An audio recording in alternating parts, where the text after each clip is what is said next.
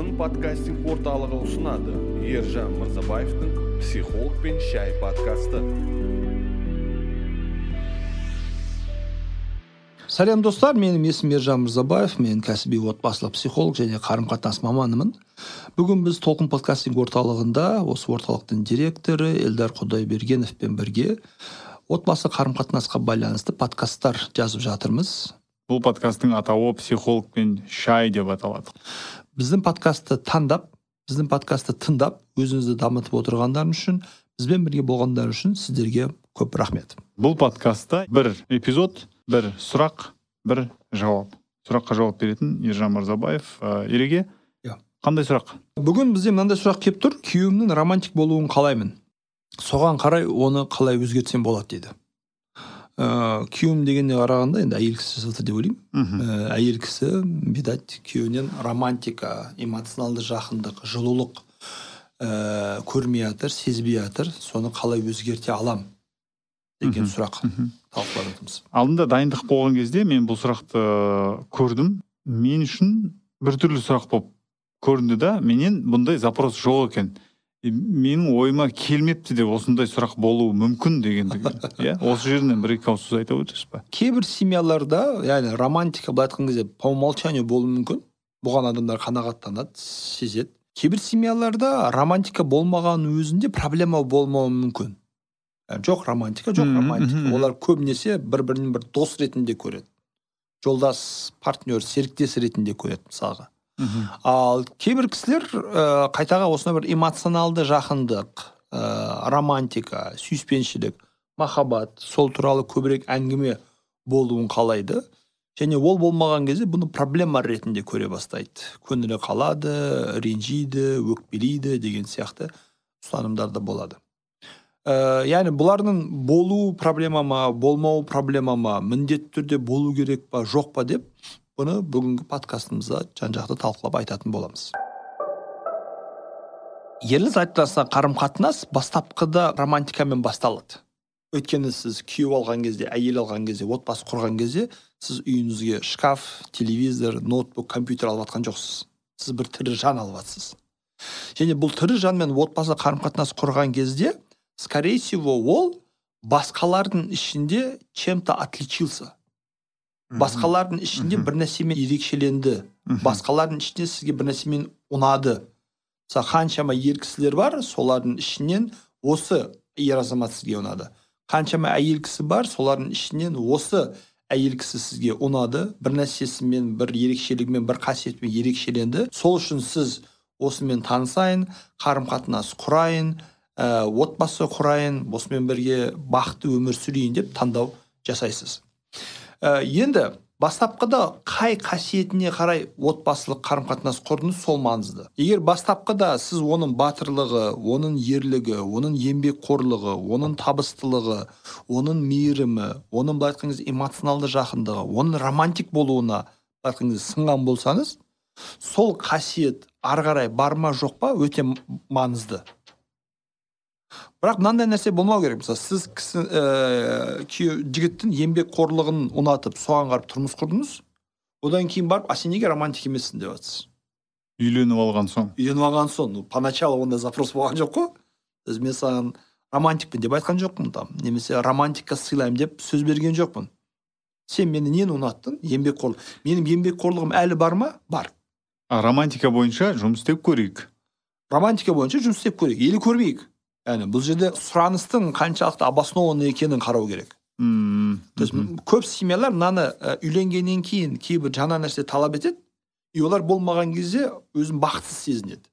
Мен бұл қателікті түзету үшін айтып жатырмын. Мхм, сіз ең басында не үшін үйлендіңіз? Қандай себептермен үйлендіңіз? Қандай қасиеттерді ұнатып үйлендіңіз? Сізді қосқан себеп қасиет качество ерекшелік не болды? Сол. Әлі күнге бар ма? Бар. Демек сіз әлі күнге дейін бірге бола аласыз. Мхм. бұл маңызды нәрсе. Ал мынандай нәрсе болса мысалға сіз еңбекқорлығын ұнатып үйлендіңіз бірақ үйленгеннен кейін күйеуіңіз жұмыс істемей қойды. Үйде отырып кетті жалқау болып қалды өзгеріп кетті мысалға там білмеймін казино қуалап кетті ойнап кетті. Онда айтуымыз мүмкін. Мен сені мына ерекшелігің үшін үй- үйлендім ұнаттым бірақ сенің ол ерекшелігің жоғалып бара жатыр. И менің саған деген сезімдерім суып бара жатыр деп айта аласыз. Бір жерден оқығам осы мәселе жа- жайында. Қыз жігіт болып жүрген кезде мысалы жігіт егер әрдайым жаңағы кафе ресторан кино жаңағы шетелдік демалыс сондайға апарған болса үйленгеннен кейін де соны істеуің керек. Үйлендік все болды оның бәрі жоқ біз енді тек қана үйден тамақ ішеміз жаққа бармаймыз киноға бармаймыз ештеңе істемейміз деп кеткен ә, ол кішкене адамның қылығындағы бір қарама қайшылықтар тудырады. Сол тараптан да қыздарға да қатысты. Қыз жігіт болып жүрген кезде әдемі болып там ха ха хау деп жүріп жүріп жүріп үйленгеннен кейін бәрін тастап кеткенде дұрыс емес сияқты. Дұрыс емес? Иә. Ә, үйленгенге дейінгі қарым қатынас элдар бұл реклама сияқты. Сіз рекламаны көргеннен кейін не істейсіз? А бұның настоящий шынайы түрі бұдан да жақсы болады бұдан да мықты болады деп күтесіз. Мхм. Үйленгенге дейін мен сені аптасына екі рет киноға апарып жатсам үйленгеннен кейін значит мені аптасына төрт рет киноға апарады деп күтесіз. Үйленгенге дейін там күніге гүл беріп жатса үйленгеннен кейін күніне екі рет гүл береді деп күтесіз М, ол бір реклама қара біз әлі ерлі зайыпты емеспіз біз просто танысып араласып дос болып жүрміз мен саған осыншалықты ілтипат етіп жатырмын ал егер үйленетін болсақ мен бірге тұратын болсақ сен менің әйелім болатын болсаң күйеуім болмаса мен одан да көп нәрсе жасаймын мхм сен мен үшін одан да қадірлі боласың одан да қатты жақсы көретін боламын деп сондай бір сіз осознанно или неосознанно сондай сообщение беріп жатсыз сондай мағына беріп жатсыз а дейді да үйленбей жатып осыны істеп жатса үйленгеннен кейін демек одан да мықты болады а бұл әрине бұл мынандай мағынаға келмеу керек. Енді қыз жігіт болып жүрген кезде ештеңе істемеу керек па? Ештеңе сыйламау керек па? Романтика болмау керек па? Жоқ оның барлығы болсын. Ал үйленгеннен кейін одан да көбірек жасаңыз. Үйленгеннен кейін ол тоқтап қалмасын. Үйленгеннен кейін ол бітіп қалмасын. Өйткені үйленгенге дейін сондай әрекеттер қалай?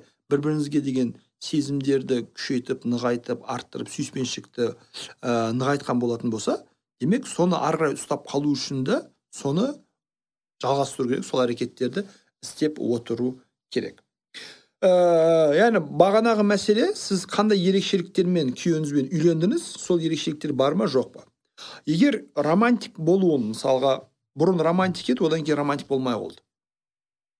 Мхм или вообще ешқашан романтик болған жоқ бірақ сізге это уже начинает надоедать неге романтик емес деп жатсыз бірінші кейсте романтик болды одан кейін романтикасын қойған болса ә, мынандай себептер болуы мүмкін. Бір көңілі қалды. Ә, мен әйелім үшін соншалық романтик болдым жасадым үйттім бүйттім ол мені там ренжітті көңілімді қалдырды. Ыыы яғни ойдағыдай шыққан жоқ. Е қойшы мен бәрін істемеймін. Екіншісі ә, күнделікті бытовой өмір сіздің сезімдеріңізді жеп қойды. Сіздің қарым қатынасыңыз сол там кредит төледің ба аренданы төледің ба там балдар қалай жақсы ма жақсы жұмыс қалай жақсы ма жақсы. А окей бәрі жақсы. Ешқандай бір эмоционалды қарым қатынас жоқ эмоционалды жақындық жоқ. Эмоционалды жақындық болмағандықтан сезімдер болмағандықтан ол жерде романтика көрсету романтикалық әрекеттер жасау деген ой ниет болмайды. Мхм. Өйткені романтика сезімнен келеді. Бірінші сезім болу керек. Одан кейін романтикалық қасиет ерекшелік сүйіспеншілік болады сол кезде. Тағы бір себебі бұны енді ашық түрде айту керек барлық нәрсені. Демек сіздің күйеуіңіз романтика көрсететін біреуді тапты. Осы подкасттың ең бірінші эпизодына ораламыз. Бәрін демек сіздің пат- ә, романтика көрсететін біреуді тапты. Басқа біреуді жақсы көреді. Сезімдерін эмоцияларын басқа біреуге білдіріп жатыр. Бұл жерде көзге шөп салу проблемасы жатуы мүмкін. Мүмкін мүмкін мүмкін. Біз бірнеше себеп, себеп тізіп айтып жатырмыз бұлар. иә. ә, ең жиі кездесетін себептер. Өкінішке орай бұндай себепте болуы мүмкін. Иә, иә, иә. Нақты бұл себеп деп ешқайсымыз айта алмаймыз. Өйткені біз адаммен тікелей сөйлесіп жатқан жоқпыз. Бұл жеке былай айтқан кезде прием емес қабылдау емес оны біз көп білмейміз. Бірақ сұраққа жауап беру тұрғысынан біз мәселені жан жақты қарастыруымыз керек. Болуы мүмкін себептерді атап өтуіміз керек. Романтиканы басқа біреуге көрсетіп жатқан болуы мүмкін. Осыны да ескерген дұрыс. Енді күйеуіміздің романтик болуын жарайды қандай да себептермен байланысты болды қазір болмай қалды вообще болған жоқ ә, қазір бұны ә, қажеттілік сезінетін болса бұны қалай өзгертемін? Өзгертудің ең оңай жолы күйеуіңізбен бұл туралы сөйлесу. Бұл жерде қажеттілігімізді жеткізу дұрыс. М. жан мен мынандай мынандай нәрсе қажет етемін. Мен мынандай мынандай нәрсе қалаймын. Мен сенен мынандай мынандай нәрсе күтемін. Маған мынандай мындай қарым қатынаста болсам мен өте қуанар едім деген және бұл деген бір ыыы сен осындай істеуге міндеттісің деген андай не то что міндеттісің сен осы жұмыстарды істе деген туду лист емес әңгіме түрінде болу керек. Иә иә иә яғни әңгімелесіп жатқан кезде қажеттілік. Мысалға еш- ешқашан өзіңіздің талаптарыңызды сұрауларыңызды міндеттісің деген форматқа келтірмеу керек. Сен неге романтика көрсетпейсің? «Ну, көрсетпеймін. Бірақ мен романтикалық қарым қатынас қажет етіп жатырмын. Қалаймын. Ондай кезде сізді неге қалайсың неге қажет етесің деп кінәламайды айыптай алмайды қарсы шыға алмайды. Ішкі қажеттілік білмеймін мысалы қарным аш деген кезде неге сен қарның аш деп ешкім ұрыспайды ғой? Қарным ашты білмеймін әлі все қарным ашты и все. Мен сол нәрсе қажет етемін мен сол нәрсе күтемін мен сол нәрсе ойлаймын деген кезде бұл вполне былай айтқан кезде нормально обоснованный бір қажеттілік болады. Егер сондай әңгіме болып жатқан кезде мынандай жауап болса эх қумаш деп. Болады ғой сондай бір ыыы жігіттер немесе әйел адамдар. Жігіттер көбінесе. Романтиканы мынандай бір ыыы маңызды нәрсе емес дұрыс вообще жалпы керек емес нәрсе деп ойлайтын. Осындай кезде қалай жасау керек? Ондай жауап болуы мүмкін. Ондай кезде біріншіден ә, сіз бір рет айтқан кезде мхм. Ол бәрін тастап а сондай ма романтика керек па все хорошо давай мен бүгін кешке ужин при свечах дайындап қояйын деп айтпауы мүмкін әлі оған дайын болыңыздар. Өйткені сананы өзгерту ойды өзгерту ойлау ә, қабілетін өзгерту бұл уақыт алатын нәрсе. И бірден адамдар оған келе бермейді егер ол ол ер жігіт ер, ер кісі өзінің балалық шағында бұны көрмеген болса өзінің әке шешесінен бұны көрмеген болса қоршаған ортасынан достарынан бұны көрмеген болса көрмеген нәрсені жаңа нәрсені жасау істеу оған өте қиын. Демек бұны біз уақытқа созамыз. Бірінші рет айтамыз ы, құмаш деуі мүмкін там екінші рет айтамыз не деп жатсың деуі мүмкін үшінші рет айтамыз ту деп айтады. жақсы бір ойланып көрейін деуі мүмкін.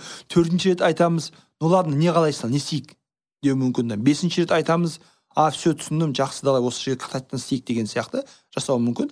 Сөйтіп сөйтіп яғни қажеттілігімізді айта беру қажеттімізді жеткізе беру.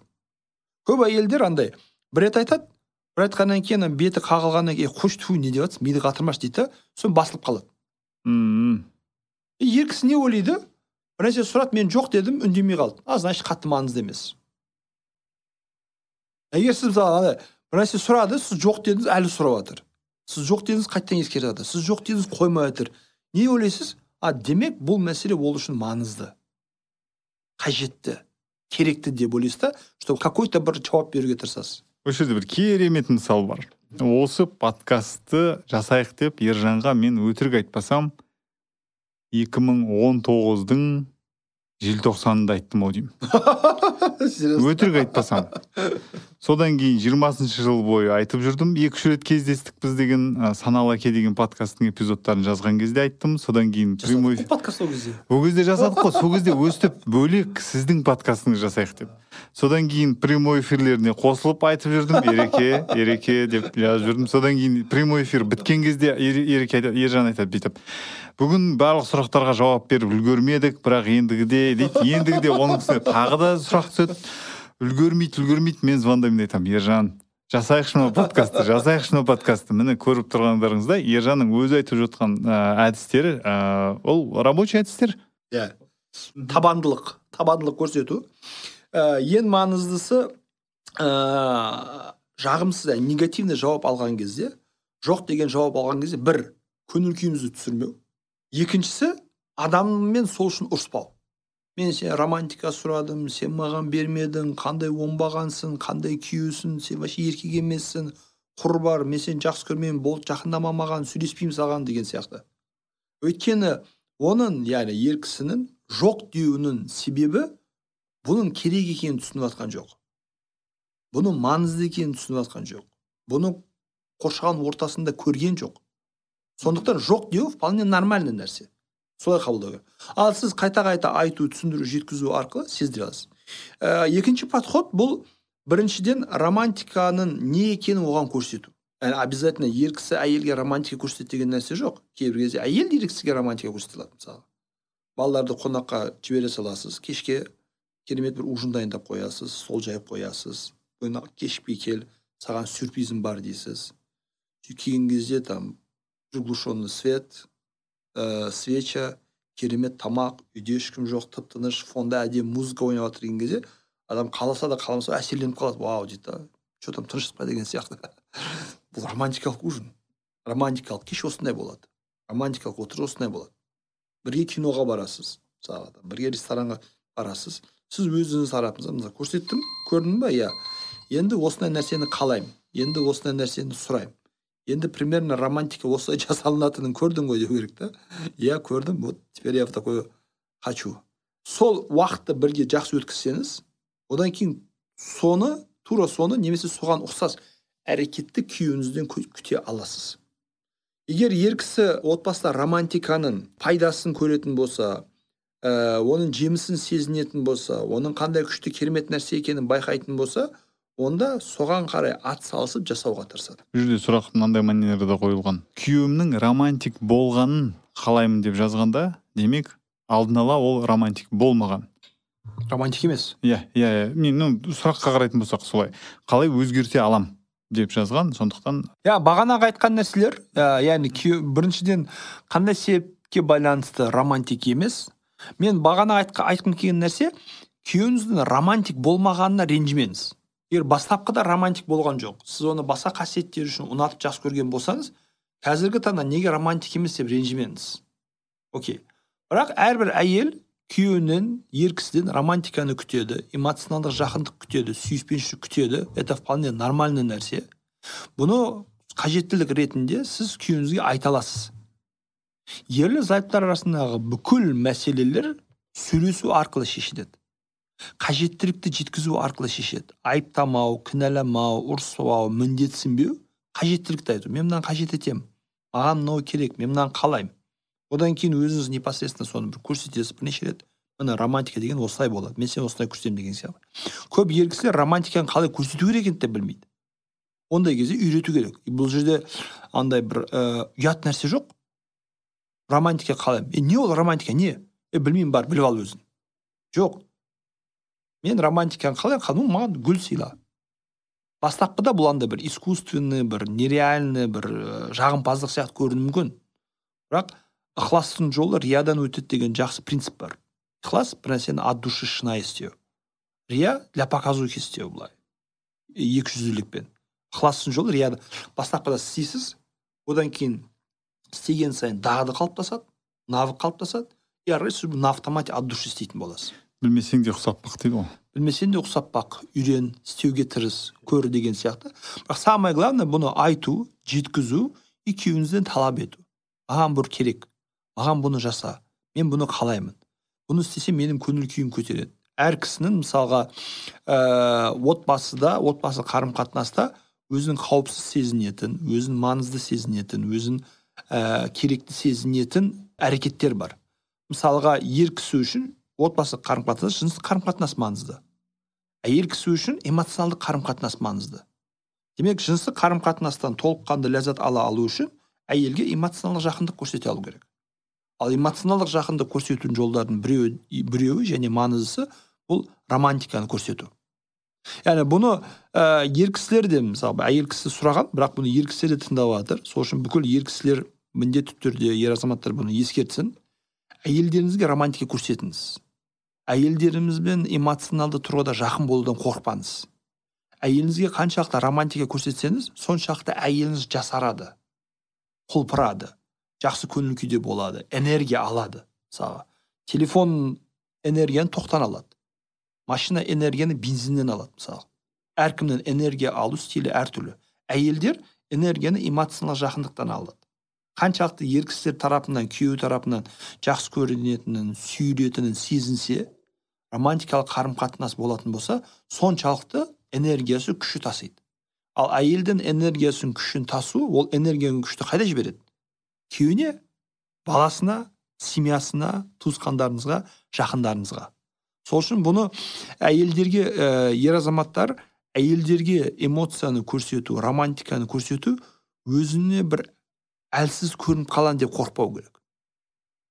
Ертең маған қарсы қолдануы мүмкін басыма шығып кетуі мүмкін еркелеп кетуі мүмкін есеріп кетуі мүмкін деген комплекстерден арылуымыз керек. Самое главный нәрсе бұл сіздің әйеліңіз. Ешкімнің емес сіздің әйеліңіз. И ол ер кісі яғни қарама қарсы жыныстан ер кісі тарапынан сүйіспеншілікті махаббатты эмоцияны сізден басқа ешкімнен ала алмайды. Сіз ғана оны бере аласыз. Және өкінішке орай егер ер кісі әйелінің мысалға ә, әйел кісі қалай ер кісінің жыныстық қажеттіліктерін уақытылы орындамайтын болса ер кісі оны сырттан іздей бастайды. Тура сол сияқты. Әйел де күйеуінен эмоционалдық жақындық романтиканы көре алмаған кезде көңілі толмаған кезде оны сырттан іздей бастайды. И сырттан іздеу үшін қазір жұмыс істеу көшеде жүру де шарт емес. Телефон деген нәрсе бар. Бүкіл әлем сіздің үйіңізде. Бүкіл әлем сіздің үйіңізде осы тұрғыдан бұны бір отбасы институтын күшейту ә, отбасы институтын мықты қылу тұрғысынан ер кісілер осындай жауапкершілік алып осындай маңызды қадамдар жасау керек деп ойлаймын. Осының біз қосылар алдында әйелім шетелде оқыды ұлыбританияда. Мм. Содан енді бір жылға кетті ғой оқуға. Алыс сағынасың ол кезде біз әлі жаңағы қыз жігіт болып ыыы кездесіп сөйтіп сөйлесіп жүрдік. Ыыы бірақ мен, мен гүл сыйлап сол мен менде енді сол романтикалық нәрсе бар ау шамасы иә.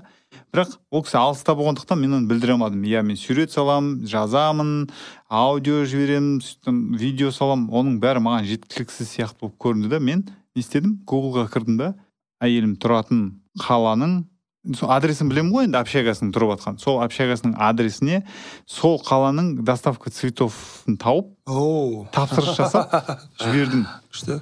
Ол үйде сабағын оқып отыр есікке.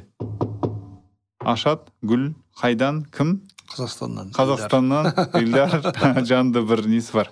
Ондай затты э, кез келген адам жасай алады сондықтан ә, осындай қадам жасаудан қорықпайық ыңғайсызданбайық ол өте керемет зат. Өздеріңіздің бөтен адамға жасап жатқан жоқпыз ғой иә. Самое главное. Иә иә иә иә.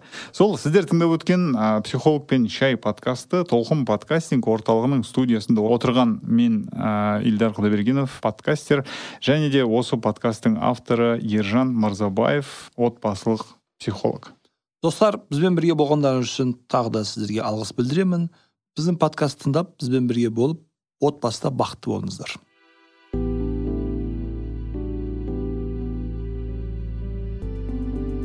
Толқын подкастинг орталығы.